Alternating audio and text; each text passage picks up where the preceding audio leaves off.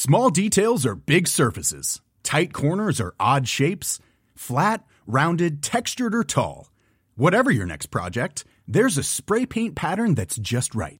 Because Rust new Custom Spray 5 in 1 gives you control with five different spray patterns. So you can tackle nooks, crannies, edges, and curves without worrying about drips, runs, uneven coverage, or anything else. Custom Spray 5 in 1. Only from rustolium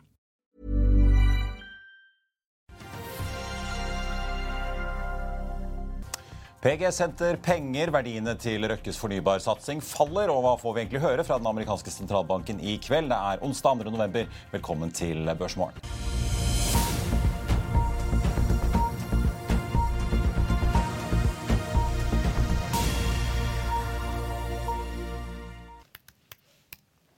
En riktig god morgen og velkommen til oss her i Finansavisen. Mitt navn er Marius Lorentzen, og med meg har jeg aksjekommentator Karl Johan Målnes. Vi skal straks snakke med Roger Berntsen i Nordnett om hva vi har i vente nå, både i aksjemarkedet får jeg si, og ikke minst da Eh, når Fed kommer med rentebeslutningen sin i kveld klokken 19 norsk tid. Og så får vi besøk av sjefen i Strong Point, som har landet en ny viktig avtale med distribusjon av eh, robotlagre fra Autostore. DB Markets venter at Oslo Børs tikker oppover 0,3% fra start når handelen nå åpner om noen veldig få minutter. Nordnett ligger inne med et estimat på 0,5.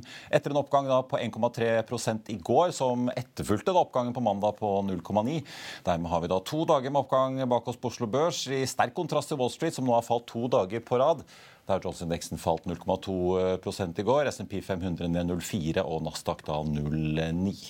De asiatiske markedene har tikket litt oppover i dag. Særlig i Hongkong går det ganske greit unna. Hang Seng opp eh, rundt 2% til i dag, etter oppgangen på 5 i går. Shanghai tikker også litt oppover, mens vi ser at det japanske aksjemarkedet ligger og vaker rundt null. For ta med oljeprisen fortsetter å levere et ganske bra momentum denne uken. Nå opp en halv prosent Eh, til. Hvis vi ser på nordsjøoljen i spotmarkedet til 95 dollar og 20 cent. Den amerikanske lettoljen VTI opp omtrent det samme, til 89,10. Så vi da, apropos olje, merke oss at uh, vår energiaksjen den går eksklusivt utbytte i dag. Noen tall som har kommet på morgenkvisten, begynner med Acetec, som venter inntekter på rundt 50 millioner dollar og et negativt resultat på mellom 5 og 6 millioner dollar i år. I tredje kvartal var inntektene på 10,4 millioner og driftsresultatet på minus 1,7. Den aksjen eh, er da ned så langt i år 54% En annen aksje å følge med på i dag er bilfraktrederiet Valenius Wilhelmsen. Apropos kursfall, den aksjen falt jo 16 da selskapet slapp sitt regnskap for andre kvartal tidligere i år. Eh, det påpeker Demmer Markets sin eh, morgenrapport og meglerhuset er nå ute med tall. De leverer jo da en EBTA på 440 millioner dollar, godt over ventet på 318 inntjening per aksje på 51 cent per aksje, også godt over konsensus på 31 cent. DME Markets eh, apropos har en kjøpsanbefaling på den aksjen på 108 kroner. Den endte i går på 73,95, så det er ikke utenkelig at den får litt eh, medfart nå fra start. Og Apropos Valenius Wilhelmsen, Will Wilhelmsen de kommer ved sine tall etter stengetid i dag.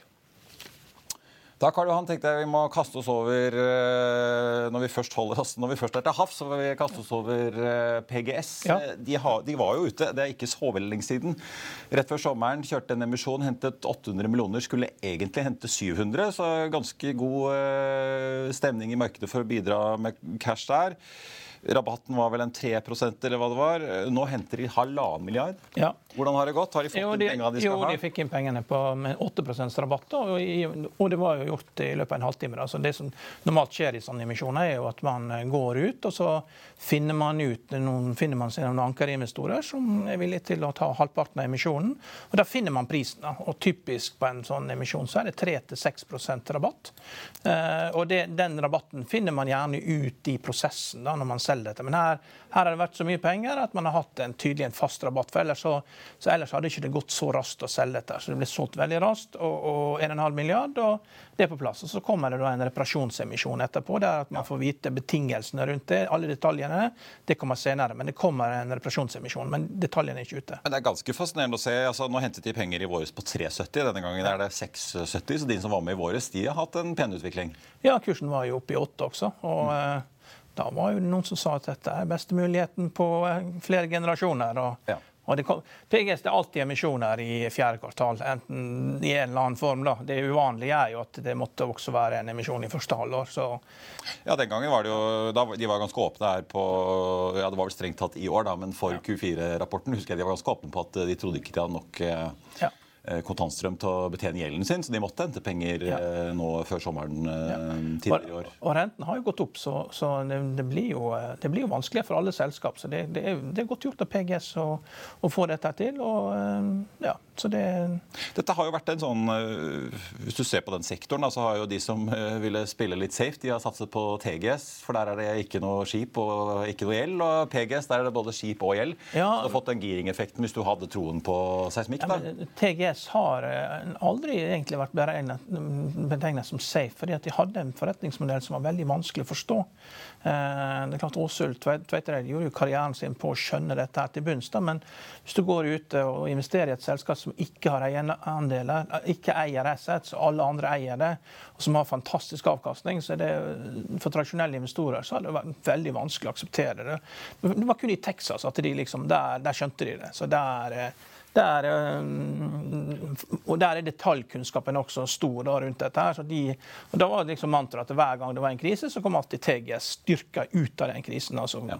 Enten det var noe eh, Macondo eller uansett hva det var. Da. Og forskjellen i avkastning mellom TGS og PGS fram til i dag da, har vært like stor som forskjellen i avkastning mellom Apple og andre eh, mobiltelefonprodusenter. Altså, TGS og Apple har lagt på 40% avkastning, det andre har liksom lagt nede på mellom 5 og 10 da.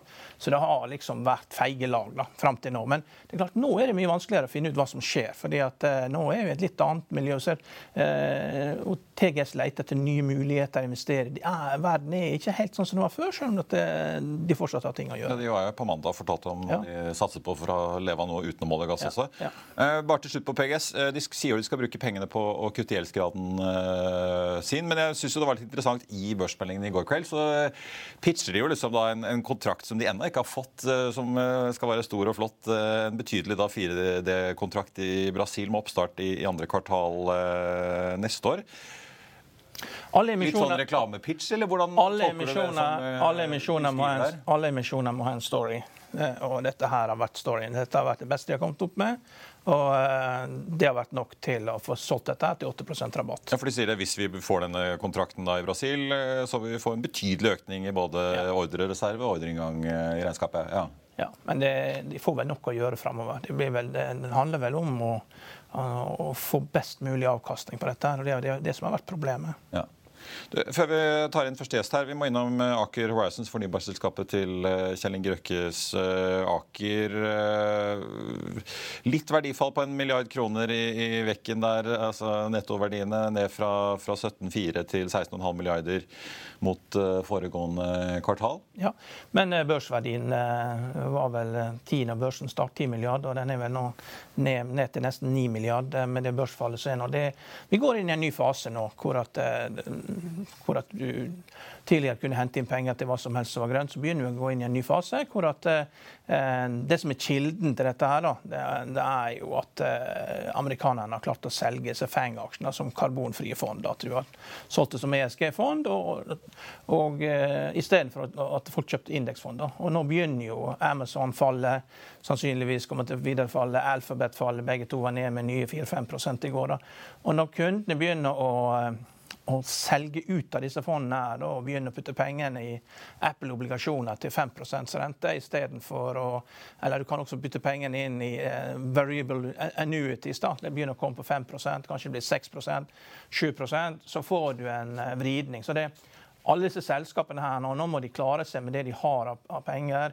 Og her er jo ikke så mye cashflow i dette. her. Det er jo rett og slett eh, veldig, Aker Horizons er jo en sånn gigantisk uh, sammensetning av powerpoint-presentasjoner. altså Steven Spielberg ville ha vært uh, misunnelig på inntektsnivået fra dette her. Ja. Ja, ja. Og så har de jo tatt litt grep. De tok jo nå Aker Offshore Wind tilbake og A-børs og tok de inn igjen i Aker Horizons, skal inn i dette mainstream etter hvert. Så det har jo, det skjer Aker Clean Hydrogen har også gått inn. da. Ja, den har også tatt Ja, og så begynner da... Carbon Capture lever ja, den andre, den andre andre kilden til penger her er jo britiske pensjonsfond. og De har puttet penger inn i Bailey Gifford. og De har begynt å selge da i Aker Horizons. De har solgt nå fra 25 millioner ned til 20 millioner. Men de sitter fortsatt i Aker Carbon Capture med alle aksjene de har. Altså, eh, Bailey Gifford er viktig å følge med på, for de er liksom eh, det er eh, ARK Innovation-fondet i Storbritannia. Alle britiske pensjonsfond med respekt for seg sjøl har eierandeler der. Ja. Og eh, der skal jo det skje en del, da. Så de kommer til å selge de andelene. Altså, eh, kapitalen som før er liksom kilden til alt det grønne. Og det meste av det grønne er, handler om likviditet. Det gjelder også Nell, det gjelder alle disse aksjene. Det er liksom en avansert form for optikum helt til at de begynner å tjene penger. Apropos Aker Horizons, eh, ned 9,2% fra start på Oslo Børs eh, se nå. BGS eh, ja, ligger ned rundt 3 til 7 kroner, altså en 30 øre over emisjonskursen som er annonsert. Konkurrenten TGS opp 0,7% Wallenius Wilhelmsen, som jo altså falt over 15% da de slapp Q2-tallene, ligger opp nå 17,7% fra start. Snakk om kontrast fra forrige kvartalsrapport. Asetek ned 7,5% etter sin kvartalsrapport på en Oslo Børs som åpner opp 0,4% Vi er straks tilbake rett etter dette. La oss i Finansavisen hjelpe deg med å holde deg oppdatert på alt som skjer i finans og næringsliv. Hver morgen er jeg, Marius Lorentzen, og aksjekommentator Karl Johan Målnes på plass i studio for å ta tempen på dagens marked i Børsmorgen. På ettermiddagen oppsummerer vi alt du trenger å vite i økonominyhetene, og så får vi selvfølgelig besøk av masse interessante gjester. Du finner oss på fa.no-tv, eller ved å søke opp Børsmorgen og Økonominyhetene der du hører på podkast.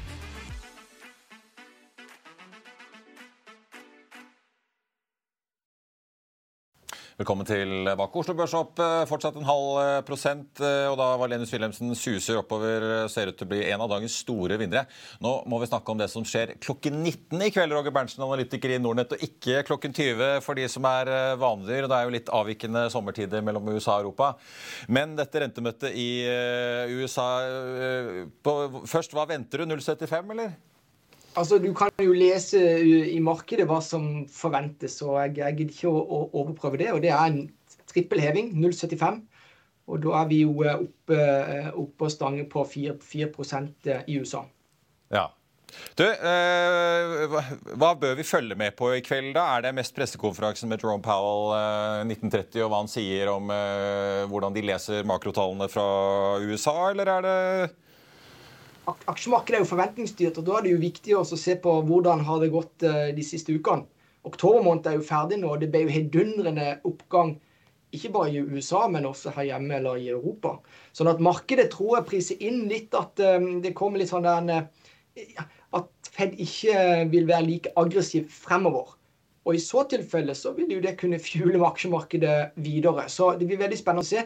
Det som er viktig å følge med på, det er jo det, de langsiktige inflasjonsforventningene. De kan jo lese ut i, i markedet, og de ligger på 2,5% Det er jo fremdeles eh, noe over det som er Feds langsiktige mål på 2% men det har ligget stabilt de siste, ja, siste to-tre månedene.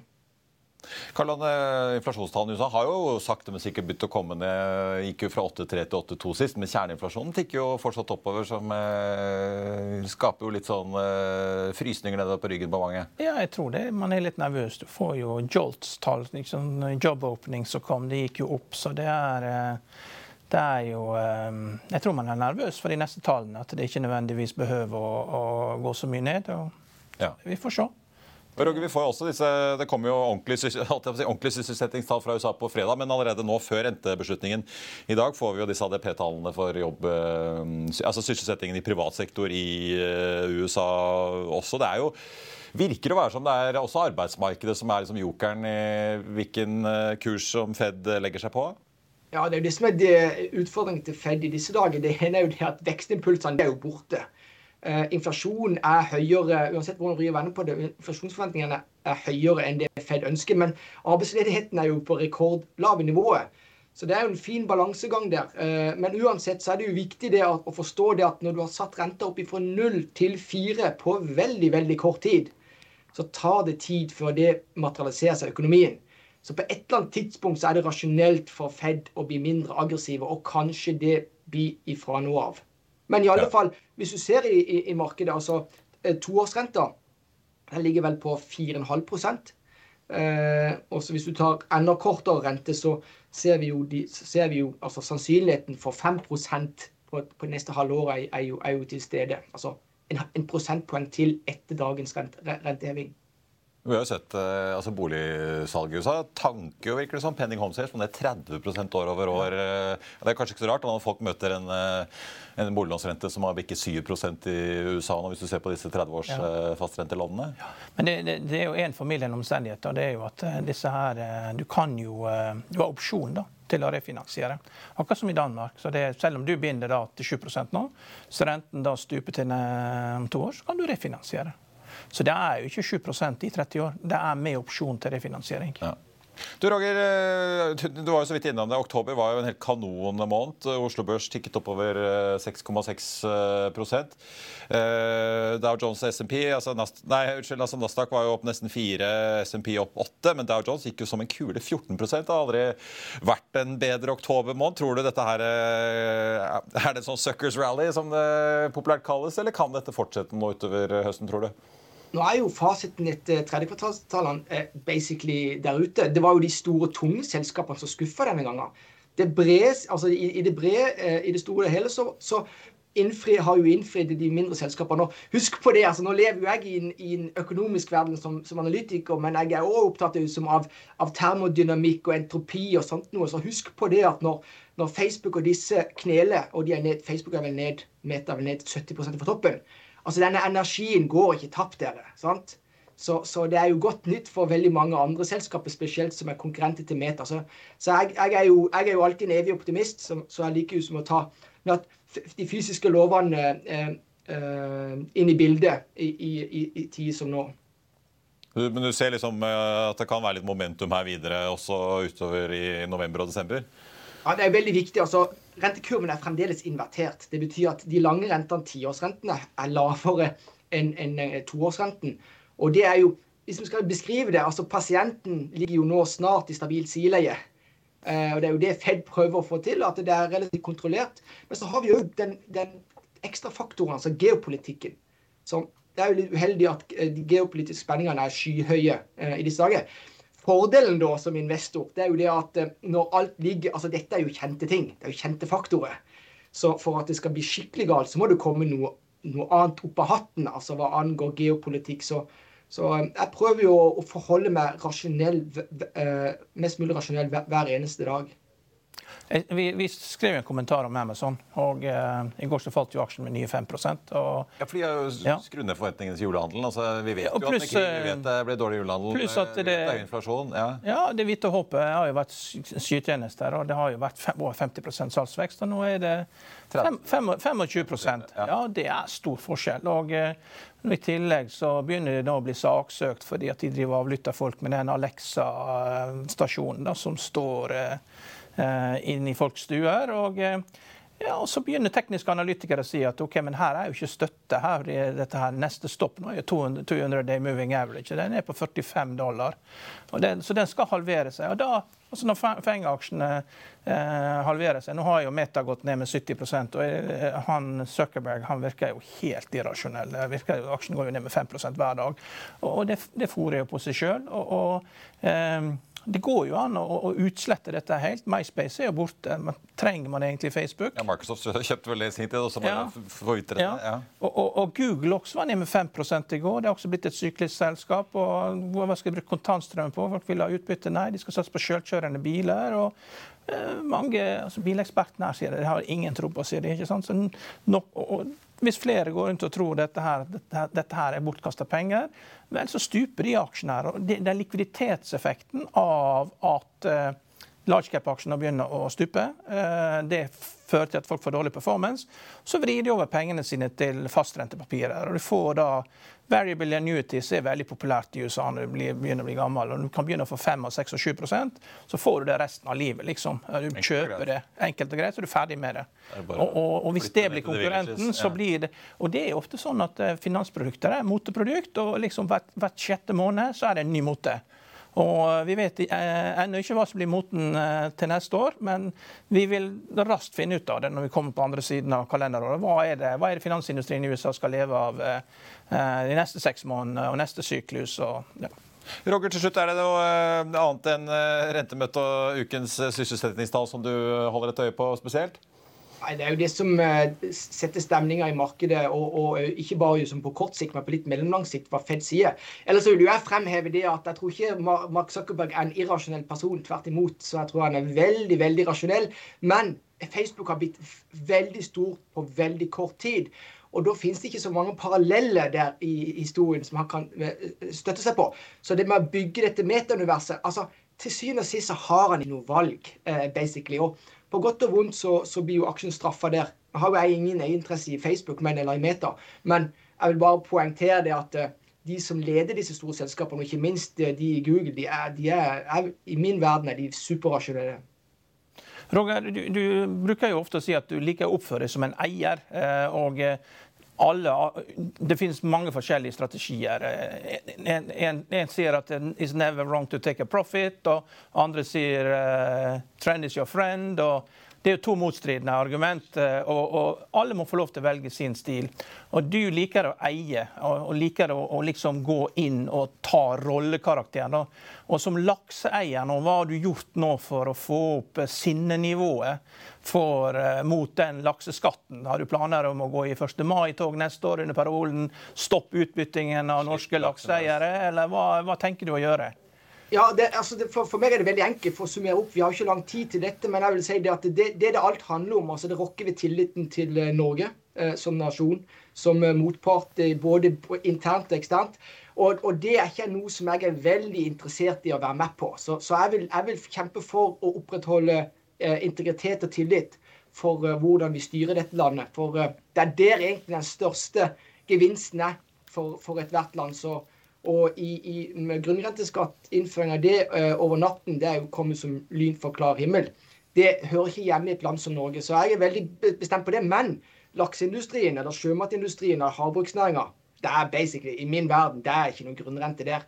At noen påstår at det er superprofitt i, i, uh, i den næringa, og det har vært det spesielt fra 2016 og fram til i dag, det skyldes jo andre ting. Det er, et, det er et marked som er skaffa Eh, på, på fem-ti år med hardt arbeid, og så er det tilbud og etterspørsel som gjør at på kort sikt så har det hatt veldig veldig god avkastning. Men det blir det ikke over tid i den næringen.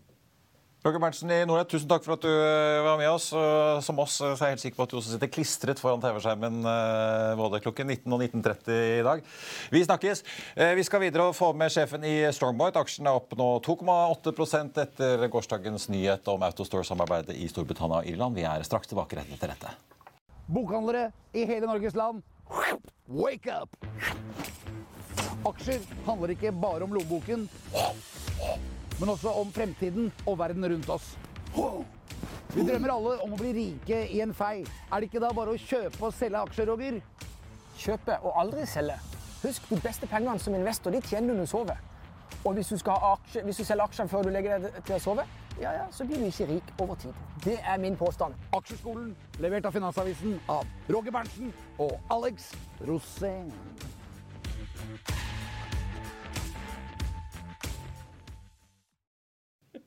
Velkommen tilbake. Hovedneksten på Oslo Børs opp 0,6 nå. Jeg får nesten bare ta med. Vi har to klare vinnere ut av kvartalssesongen. Valenius Wilhelmsen opp 13 Lumi-gruppen også opp 13 eh, etter deres uh, tall. Langt verre går det med Aker Horizons, ned 6,4% fra start. Og så har vi PGS, da, som har kjørt en emisjon ned 1,1% til 7,21 etter emisjonen på 6,70. Nå har vi fått med dagens andre gjest, eh, sjef i Strongpoint, Jakob Tverobakk. Velkommen til oss. Takk skal du ha.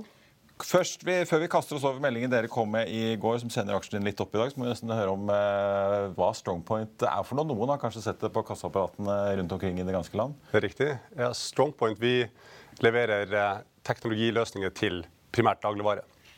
Eh, for å gjøre butikkene mer effektive og for å skape en bedre handleopplevelse. Konkret så betyr det hvis du går i en eh, norsk dagligvarebutikk, så vil du se eh, selvbetjeningskasser, elektroniske hylleetiketter, kontantløsninger hvis du skulle betale med kontanter.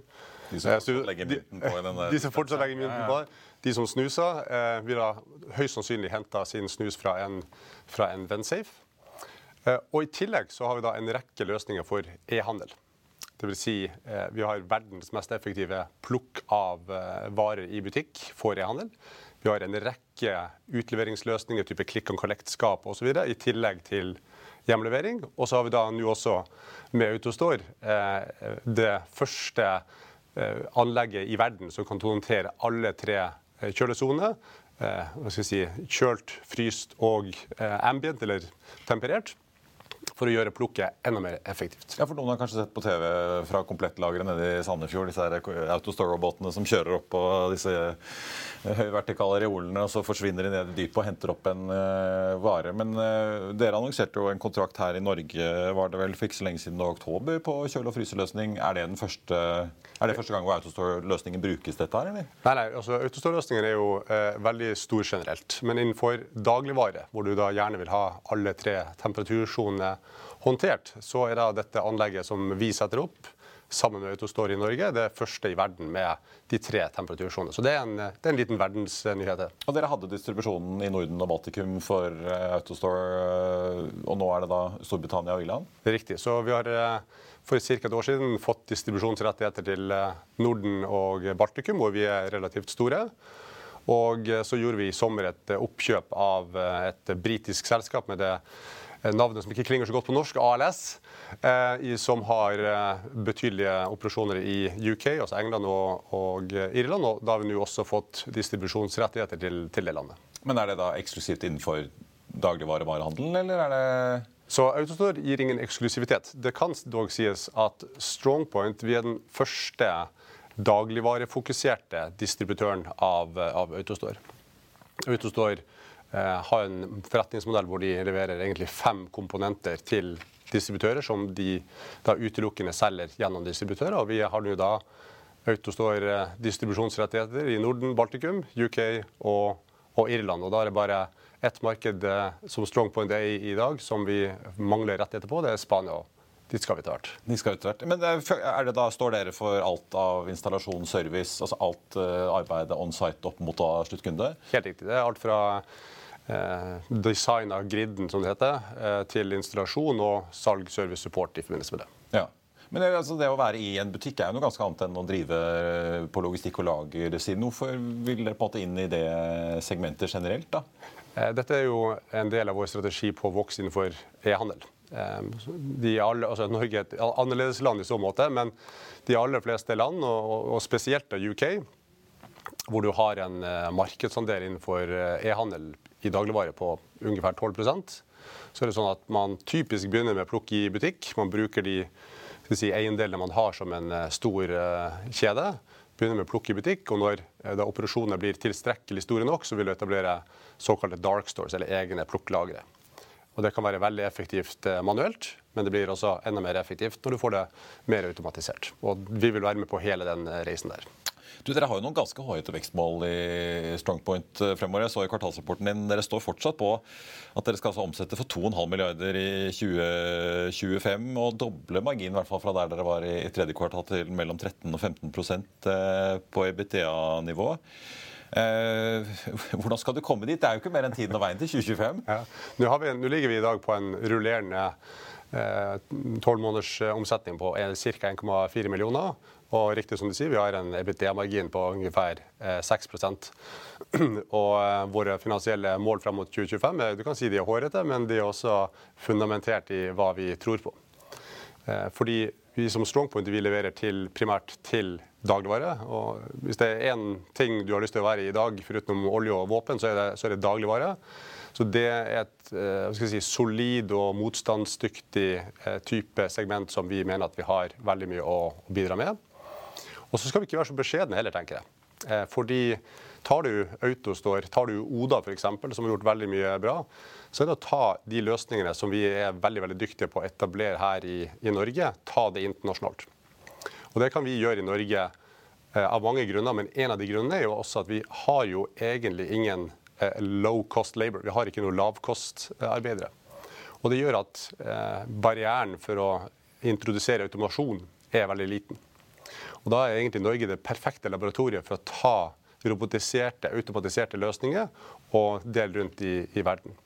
Så Som en kuriositet så kan jeg nevne at bl.a. elektroniske hylleetiketter, den penetrasjonen som vi ser i Norge Man kan jo ikke gå et sted i Norge og ikke se det.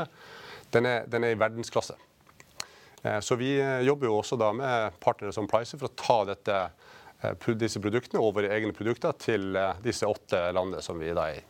Det er greit, Karl, Når inflasjonen er nesten 10 så du bare ja, klikker på noen knapper, og så øker prisene rundt på alle reolene. Jeg husker jo når Pricer kom, det var jo utrolig konservativ bransje. De måtte jo teste i Tyrkia, og da, var, da sa bare investorene at det tror vi ingenting på. hvis du måtte de har ikke bruk for dette. Så det, det er jo konservativ bransje, men nå skjer det veldig mye, og da åpner ting seg opp. Men, men disse her eh, måltidsløsningene, sånn som tyske Hello Fresh og sånn, blir det for mye småplukk, eller er det også sånne ting som dere kan være med på, eller er det dagligvare? Storplukk som gjelder? Hvor, hvor er grensesnitt på ting dere ikke kan gjøre? Ja, altså, jeg liker å si at Vi fokuserer på dagligvarer, og så har vi litt uh, på godt norsk spillover effects. Ja. Um, og Grunnen til at vi fokuserer så mye på dagligvarer, er rett og slett fordi at det, det er der vi har våre kunder i dag. Vi betjener alle de største dagligvarekjedene i de land vi uh, er i, så å si, med, igjen med Spania som, som unntak enn så lenge. Og det som er litt av fordelen, er at når vi først har solgt bl.a. selvbetjeningsløsninger eller kontanthåndteringsløsninger, så er det himla mye lettere å selge neste eh, type løsning. Uh, og så skal det sies at Når du skal gjøre uh, e-handelsplukk for matvarer som man som konsument kjøper, så ligger en, en snitt handlekurv på et sted mellom 40 og 60 eh, varelinjer neste dag. og Vår løsning passer aller best når du kan plukke veldig mange varer, for da betyr effektiviteten mer. Så. I så måte kan du si at det Hello Fresh gjør, betyr mindre, for der har du mer prepacked stuff. Ja.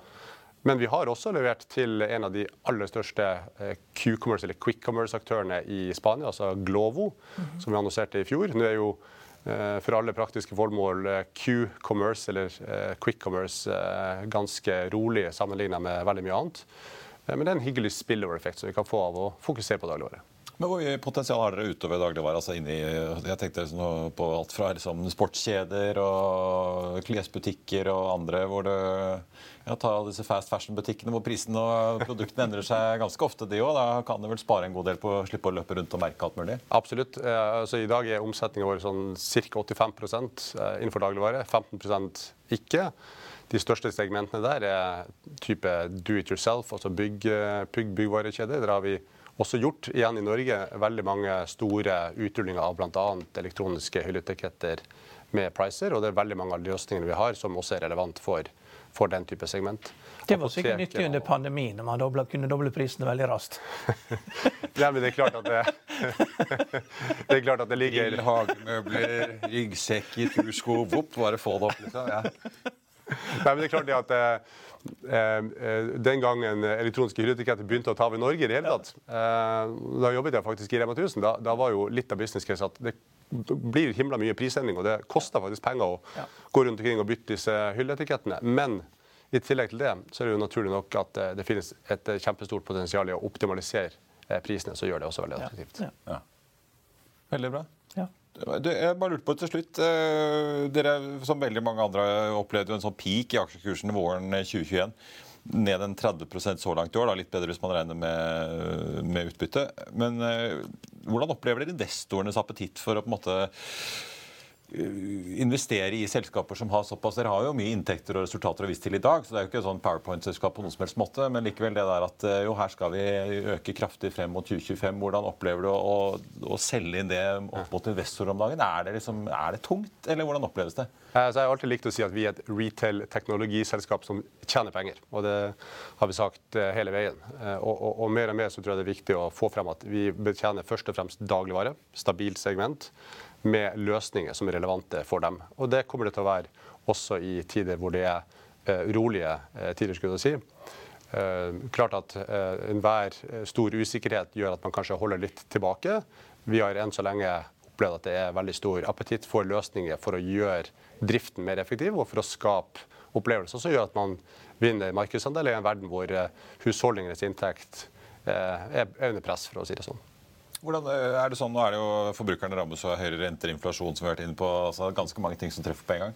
Så så vi Amazon eh, var ute og guidet Q4-salget ganske kraftig ned. Hvordan leser dere liksom utviklingen i varehandelen?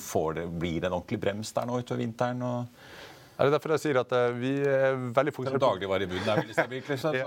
Ja, men det som er dagligvare i bunnen, er som Dagligvare i, i bunnen er veldig, er veldig solid. Og Det er derfor jeg sier at det, er veldig, det føles veldig godt, nesten ordet trygt, eh, når du sier at 85% av vår eh, kjernebase er fra dagligvare. Og så er det på toppen av der det er nærmest å regne som, eh, som bonus. Jeg tror ja, Det som er viktig for, for Strongpoint, er at vi skal både styrke de eh, posisjonene vi har i Norden-Baltikum, som er våre tradisjonelle hjemmemarkeder, men ikke minst også ta den teknologien ut til våre nye markeder. Eh, England, Spania, der er penetrasjonen vår ekstremt lav. Markedene er jo gigantiske. altså Tar du Tesco i seg selv, så er det ett selskap som er tre ganger, mer, eh, tre ganger større enn hele det norske dagligvaremarkedet, og, tilsvarende i Spania med Mercadona. Dobbelt så stort som hele det norske dagligvaremarkedet. Så liksom, klart Potensialet der er, enormt. og jeg mener jo at eh, Vi skal ikke være beskjeden som norske aktører når vi skal ta og introdusere ny teknologi i andre land. Jakob Tverabakk i Strongpoint, tusen takk for at du eh, kom inn og tok turen til oss. Før vi avslutter, tenkte jeg bare å ta med et par andre nyheter som er verdt å få med seg. Sparebank Markets kutter kursmålet på Orkla fra 82 til 74 kroner. Gjentar sin holdanbefaling. Ikke så lenge da etter at Orkla kom med både kvartalstall og en ny plan for strukturen til selskapet. Den aksjen ligger nå på 68,90 92, og er da opp 0,2% for dagen. Multiconsult ute med tall for tredje kvartal. De økte inntektene til 876 millioner kroner. En økning på nesten 14 for, mot samme periode i fjor. Resultat før skatt endte på 63 millioner, også en solid oppgang fra samme periode i fjor. Aksjen er ned 19% så langt i år. Ellers Aker Horizons ned nesten 5 Det har hentet seg litt inn fra de nivåene vi så på starten da etter kvartalsrapporten er ute. PGS ligger ned en 3% men fortsatt 30 øre da over emisjonskursen på 6,70, som ble satt sent i går kveld. Konkurrenten TGS opp en halv prosent på en hovedindeks som også ligger opp en halv prosent. To av vinnerne i dag, uten tvil Lumi-gruppen uten metall opp nå 14,9% og ikke minst Valenius Wilhelmsen bilfrakt- og logistikkonsernet opp 12,7% på kvartalsrapporten. da Sterk kontrast til forrige gang de slapp tall, da de falt enda mer. Og så har vi da Strongpoint, som vi akkurat snakket med, opp 2,8 da etter nyheten om at de får distribusjon på Autostore i Storbritannia og Irland. Acetec, der har sikring gått etter deres tallslipp. Den aksjen var ned 15,3% før sikringen tok strømmen holdt jeg på å si, i handelen. Og Det var børsmålen for denne onsdag 2. november. Husk å få med deg økonominyhetene klokken 14.30. I mellomtiden så får du siste nytt på F1 og gjennom hele dagen. Vi ønsker deg en riktig god børsdag videre. Takk for nå.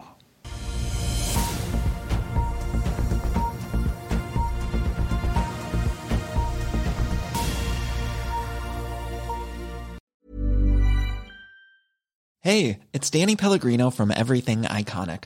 Ready to upgrade your style game without blowing your budget? Check out Quince. They've got all the good stuff shirts and polos, activewear, and fine leather goods, all at 50 to 80% less than other high end brands. And the best part? They're all about safe, ethical, and responsible manufacturing. Get that luxury vibe without the luxury price tag. Hit up quince.com slash upgrade for free shipping and 365 day returns on your next order. That's quince.com slash upgrade. When you need mealtime inspiration, it's worth shopping Kroger, where you'll find over 30,000 mouthwatering choices that excite your inner foodie. And no matter what tasty choice you make, you'll enjoy our everyday low prices, plus extra ways to save, like digital coupons worth over $600 each week. You can also save up to $1 off per gallon at the pump with fuel points. More savings and more inspiring flavors make shopping Kroger worth it every time. Kroger, fresh for everyone. Fuel restrictions apply. Økonominyhetene er en podkast fra Finansavisen. Programledere er Marius Lorentzen, Stein Ove Haugen og Benedikte Storm Bamvik. Produsenter er Lars Brenden Skram og Bashar Johar. Og ansvarlig redaktør er Trygve Hegnar.